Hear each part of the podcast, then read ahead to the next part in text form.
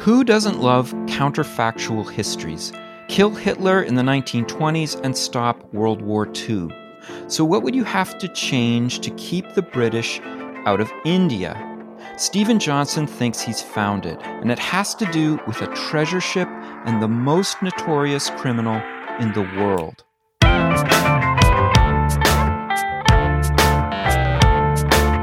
It's time to eat the dogs. I'm Michael Robinson. Today, Steven Johnson talks about the British pirate Henry Avery and his improbable capture of the Mughal treasure ship Gunsway. Johnson is the author of 12 books, including Enemy of All Mankind, Farsighted, Where Good Ideas Come From, and The Ghost Map. He's also the host of the PBS series How We Got to Now and the podcast American Innovations. Steven Johnson, thank you for talking with me. Ah, my pleasure. So, you start your book on the Indian Ocean in 1695 with an encounter between a Mughal treasure ship and a British pirate ship called the Fancy.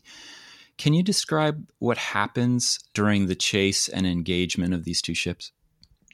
So it's a conflict between these two ships that should have gone in a completely different direction if you looked at the initial resources on board both ships at the outset. So the Mughal treasure ship, which had an excellent name which translates to excessive or exceeding treasure, Hmm. which is kind of a funny thing to name your your treasure ship. Yeah. if you're if you're if you don't want to have pirates attack it, maybe don't call it you know excessive treasure. Maybe call it no treasure here at all. um, so this ship was this massive one of probably one of the largest vessels in the world at that point, um, and had hundreds of uh, something like I can't remember the exact number, but like 500, 700 men on board, huge number of cannons, and the pirate ship had probably at max about 200 men, maybe less, maybe 180, and far fewer cannon power. It was a very fast ship, the Fancy. Yeah. Um, it was, very kind of nimble in the water, but um, if you looked at it in terms of men and firepower, it should have been easily overpowered by the Indian ship. But two very unlikely things happened when they kind of came to face off in the Indian Ocean on this day. Um, the, the first thing is that on board, as they begin to kind of fire at each other on board the Indian ship, a cannon explodes, um, which would happen every now and then, but it was unusual thing to happen. And it could happen because of a manufacturing defect or because someone had failed to clean it properly. But basically, as I say in the book, when a cannon explodes, it it stops being a cannon and it becomes a bomb, basically. And so you have this catastrophic explosion on on the deck of the of the Mughal ship. Um, a number of people are just instantly killed. The deck catches on fire. Um, it's a you know catastrophic scene. And within minutes of this, one of the first shots fired from the Fancy manages this incredible kind of fluke achievement, which is that it splits the main mast of the Indian ship, causing all of the the rigging to kind of fall. Nice shot. So those two very unlikely events happening uh, within minutes of each other allow the British pirates to take over the ship and and set off a kind of a chain of events that ends up reverberating around the world. One of the things you talk about is how we have come to romanticize uh, pirates and, you know, through Pirates of the Caribbean and all this other stuff. And yet the events of what happened next are not in any way swashbuckling or romantic. What happens uh, once the crew of the Fancy take over the treasure ship? What would, what made the the Indian ship. So the Indian ship's name was anglicized as um, Gunsway, the Gunsway, mm. um, and the Gunsway was unusual in that it was returning from Mecca, um, and it contained, in addition to a lot of, you know, gold and silver and ivory tusks and things like that that had been part of the kind of trading that they'd done in stops along the way. It also contained a number of religious pilgrims who had gone to Mecca for the Hajj and a number of those pilgrims were women, which was mm. very unusual at the time to have a large number of women on a ship um, in 1695 was not something you would normally find. And so when the pirates boarded the ship and took it over, they found a vast amount of treasure on board the ship. They ended up stealing somewhere between 20 and 100 million dollars worth of treasure by kind of contemporary values. But they also discovered all these women and they ended up raping a number of these women. Several of them seem to have committed suicide to avoid uh, being attacked, uh, throwing themselves off the ship. And so there's this kind of terrible orgy of sexual violence that unfolds over a 24 hour period before the pirates leave with their gold. And potentially, the, the story goes, with one member of that uh, entourage of women on board the ship who was a, a, direct relative of some sort of the Grand Mughal of India, Aurangzeb, who was at that point uh, probably the richest person in the world.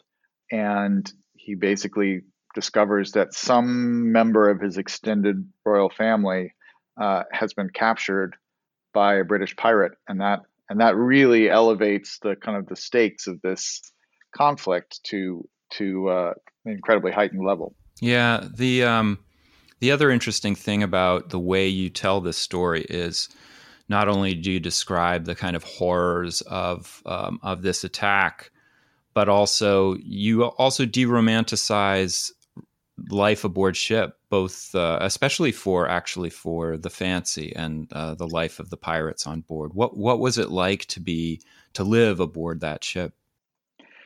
It was incredible. I mean, you know, you you had a huge number of people crammed into a very uh, finite space. It's, it's like it's like 150 people in a three bedroom apartment basically you know?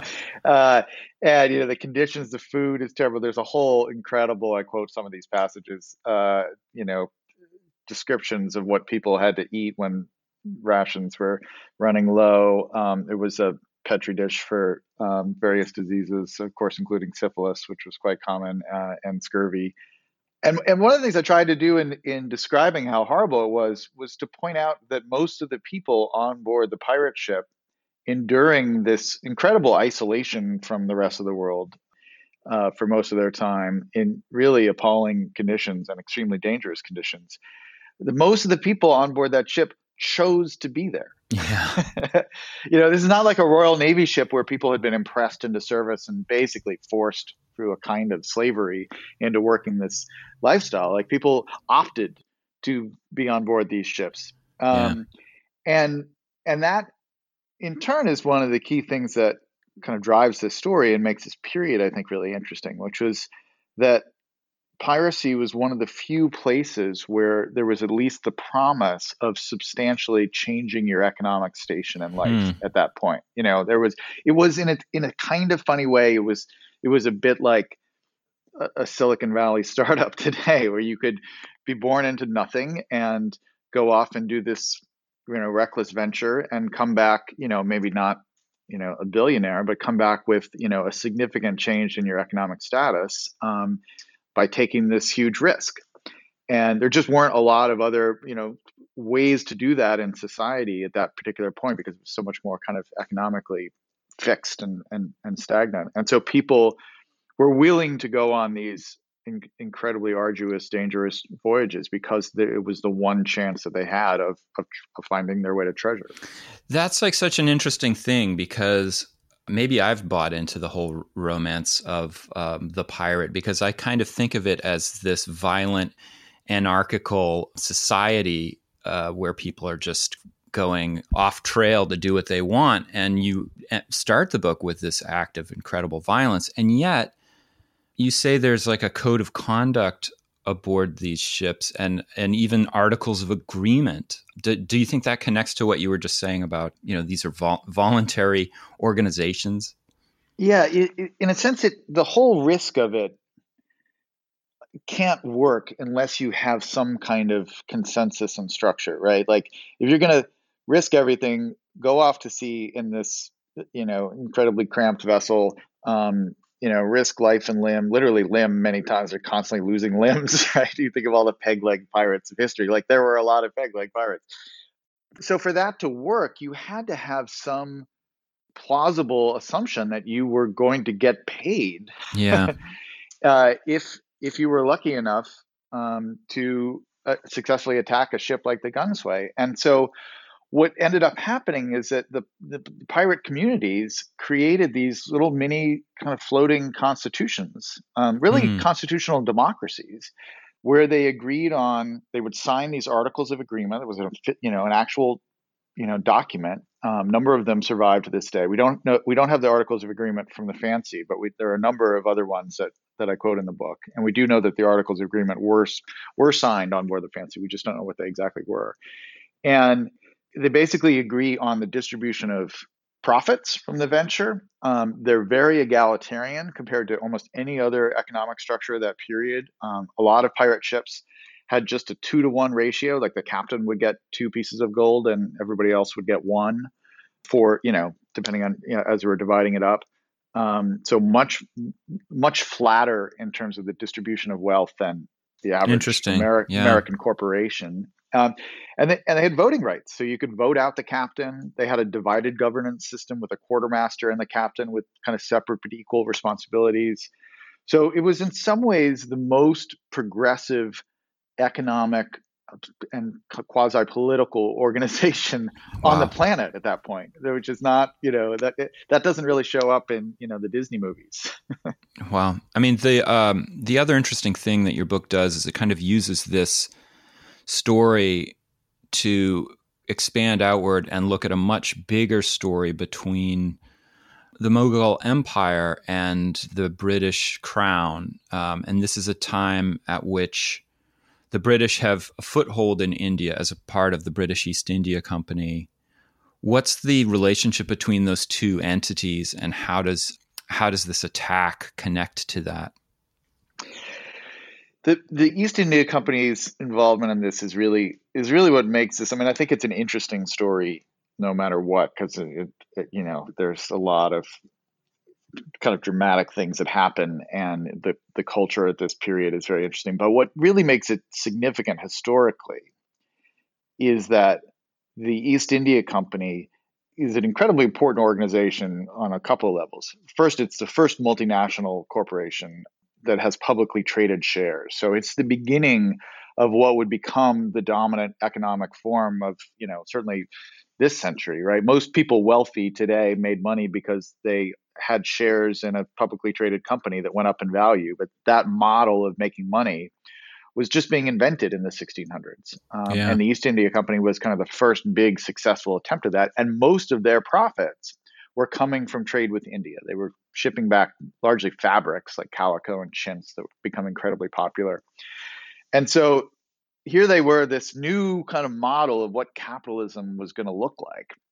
And they were also, no one knew this at the time, but the British Empire that would eventually come to dominate almost all of India um, in the next century eventually evolved out of the East India Company's presence there. So they're actually kind of we don't you know the participants in the events didn't know this, but the East India Company was kind of the advance guard that became the British Empire.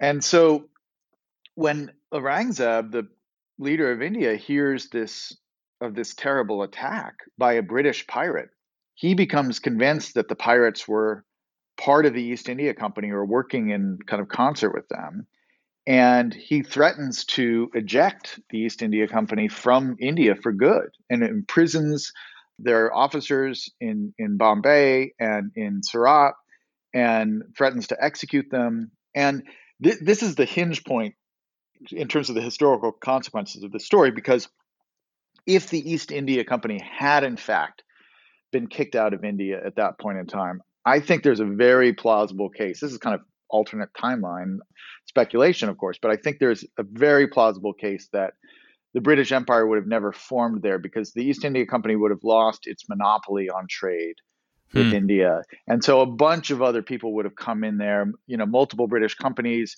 multiple, you know, there would have been far more competition from the Dutch and the Portuguese and all that kind of stuff. And so the kind of flow from occupying corporation to occupying imperial state would have been disrupted and and it might have changed the whole course of the relationship between England and India. So that's why this is such a critical juncture in terms of the longer term trends in history. So the British Crown realizes it, it has to do something about this attack. I was wondering what the British position on acts of piracy was because this also involved a mutiny, correct? Yeah. Yeah. So what really happens on, on the British side is that it finally forces them to take a, a position on piracy in the sense that but up until this point, piracy had been something that was kind of against the law and kind of not. And there was this kind of vague distinction between being a privateer and being a pirate. And if you were a privateer, you could have a what was called a letter of marque from the crown and and you were allowed to basically for all intents and purposes be a pirate as long as you were only attacking ships that belonged to you know England's enemies in some. Right. So if you were attacking the Spanish, go for it. That's great. You could be as ruthless as you want. You could just seize vessels for no reason, take all their money, do whatever you want. Just don't do that to other British ships, or if we're allied with the Dutch, don't do it to Dutch ships, or whatever it is. You know. So and and people like Sir Francis Drake, who was for all intents and purposes a pirate. If you looked at what he did, you know, he was absolutely a pirate. But he he managed to have this career where he you know returned to England and was knighted and bought a very kind of lavish estate and lived you know basically pirated his way into the very upper crust of society. Yeah. And so this created this reputation that the British had as being a, a nation of pirates, um, which is part of what Aurangzeb was responding to when this attack happened. And so, effectively, what happened because of this crisis, the British had to say, listen, are we going to bet on a future where piracy exists and we kind of turn a blind eye to it and we don't really punish people for it? Or are we going to bet on a future where the world is organized around international law and trade deals and multinational corporations doing business with each other, where you can't just go and steal somebody's money if you want to in the middle of the ocean. And they finally decide okay, this is it. We are not a nation of pirates. And we're going to make this case really send a message out to the world to show that we have finally decided we're, we're opposed to piracy. The uh, other thread that you follow in the book is the central figure, the captain of the fancy, Henry Avery. He's a pretty interesting guy. You know, he's a mysterious guy, um, and it's so funny to have written a book where you, you know, you spend. I've been thinking about and writing, researching and writing about this guy for well, over the last three or four years of my life, and on the one hand, he has a period from 1695 on for a few years where he was the most notorious criminal in the world um, and was the stuff of legend. People wrote plays about him and songs about him and fake biographies and memoirs about him and all this kind yeah. of stuff. He was a kind of legendary figure. But we know almost nothing about him starting in, in, until around 1693, and we know almost nothing about him after kind of the late 1696. And so he's almost kind of like this weird kind of black hole at the center of the story where you can see all this kind of gravitational activity around him, but you really can't see him directly. He's kind of this cipher in this way. But he he was a you know clearly an incredibly charismatic guy, um, clearly a morally compromised guy. He had been involved in the slave trade in some fashion before this, but he was able to lead this mutiny of a British ship in 1694, and they rechristened the ship Fancy. And it's Avery who has this idea. They they mutinied off the coast of Spain, but they, you know, which would have logically led you to think if you wanted to turn pirate, you would then go to the Caribbean, where of course we now think of pirates, which is an easy sail. You just ride the trade winds over there, and you're you're doing business. But Avery had this idea that you could sail all very ambitious plan where you could sail all the way around the Horn of Africa up past Madagascar and into the Indian Ocean, where where you could intercept these other um, treasure ships that were coming back from Mecca. In a sense, that was where the real money was, and so he embarked on this extraordinary plan, convinced all these men to follow him, and and somehow, against all odds, managed to pull it off. You were mentioning that um, Avery takes on this kind of legendary status, and that there's this mythology that grows up around him back in England. Uh, why do you think that is so important? Well, it's a bit of what we were talking about before in the sense that the pirates were the true kind of working class heroes. at this point. They, you know, so back home in England, you know, you would hear these stories of daring do from these swashbuckling pirates, and you know, they'd gone out to make a fortune for themselves, and they managed to to pull it off.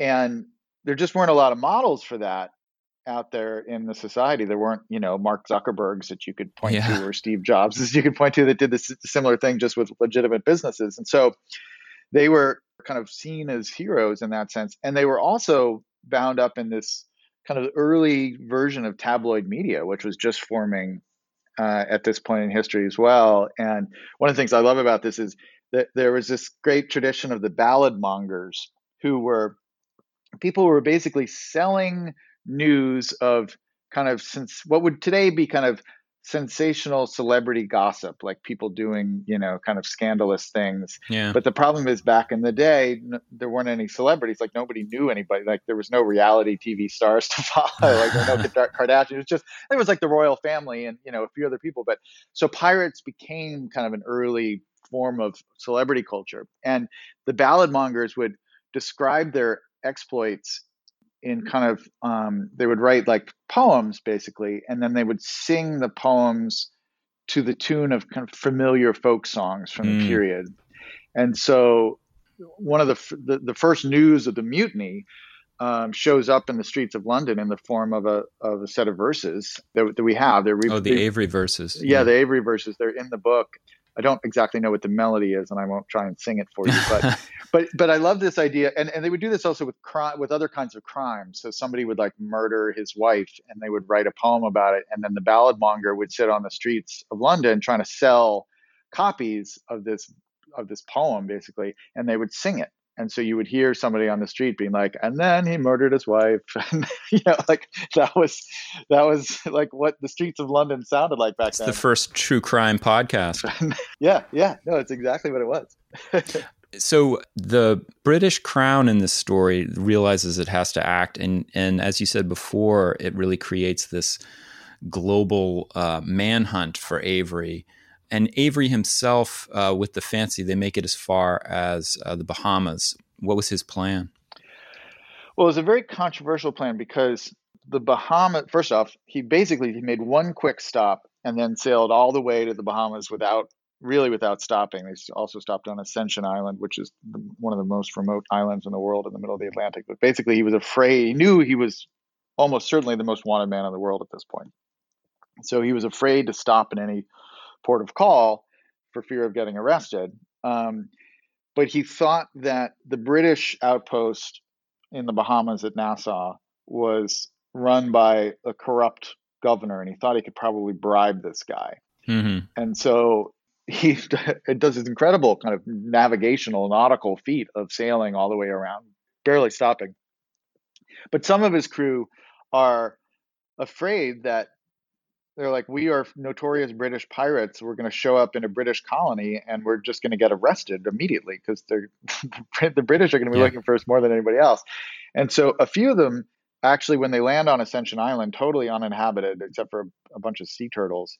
Um, a few of them opt to stay on Ascension Island rather, rather, than go to Nassau because they're like, we're definitely going to get killed if we go to Nassau. I'd rather be on a deserted island. Um, and just try and make it work. Um, so anyway, he, he makes it he makes it to the Bahamas. The kind of local governor is in fact corrupt, and they ditch the fancy there.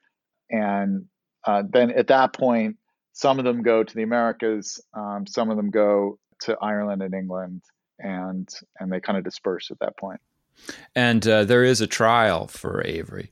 Yeah, so there is a trial and there, there's a kind of an interesting mystery to the ending so i won't give away too much but with the trial what's really interesting is that there's a there's a kind of twist in the trial and, and the british have tried to like make this a this is a big show trial right? They're trying to send a message to the world and particularly to Aurangzeb saying we are not going to tolerate piracy. And the first time around it fails uh, in spectacular fashion and so they have to pull this kind of legal sleight of hand to uh, end up trying to successfully convict these pirates. And this is one of the great things for this for me as an author with this book is um, because they wanted to make this trial a, a public spectacle, they hired a publisher to publish the transcripts of the trial, and that transcript survives. I actually have it, you know, as a searchable PDF on my on my laptop, and so not only does it include all the language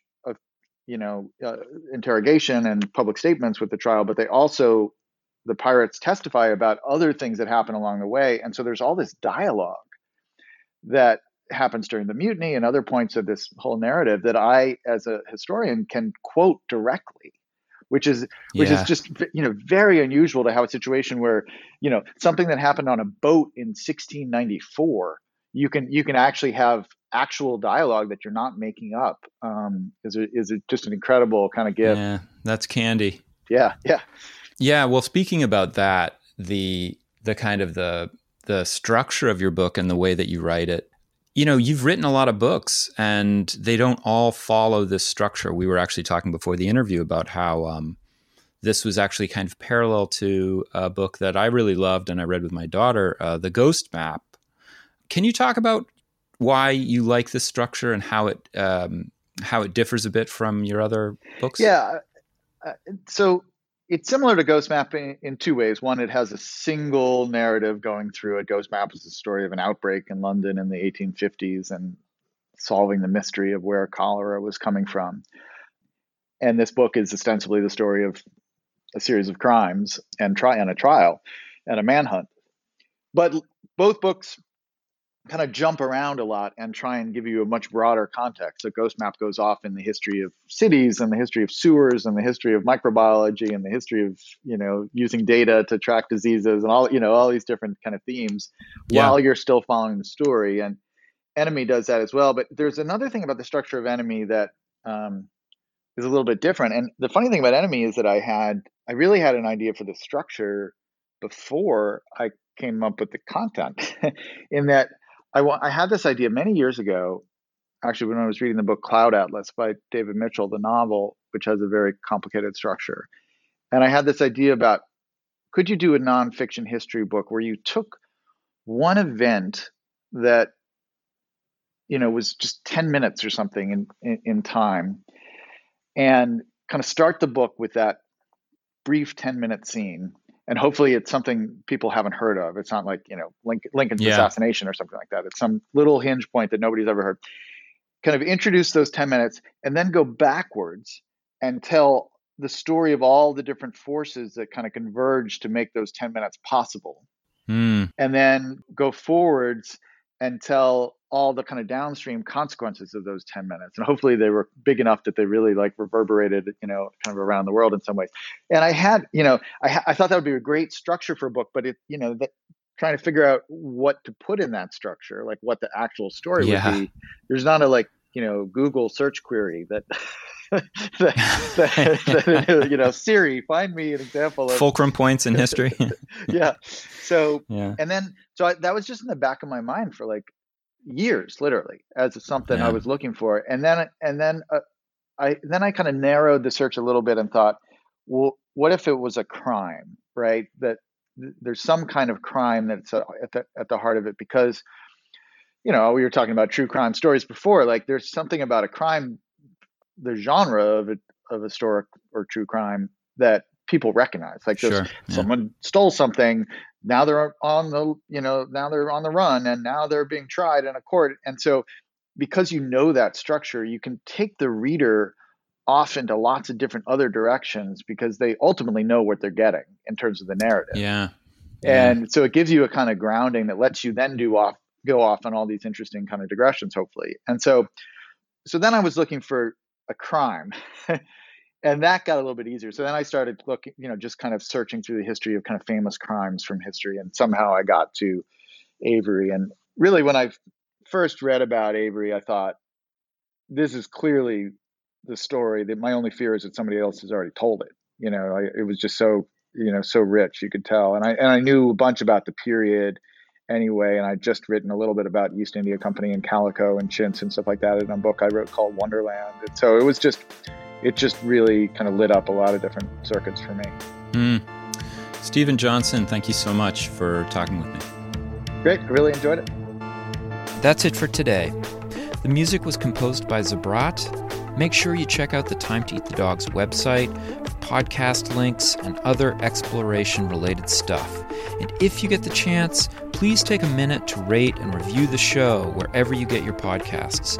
It really helps make the show visible to new listeners. And if you want to recommend a guest or make a comment, feel free to contact me at time to eat the dogs, that's one word, lowercase, at gmail.com.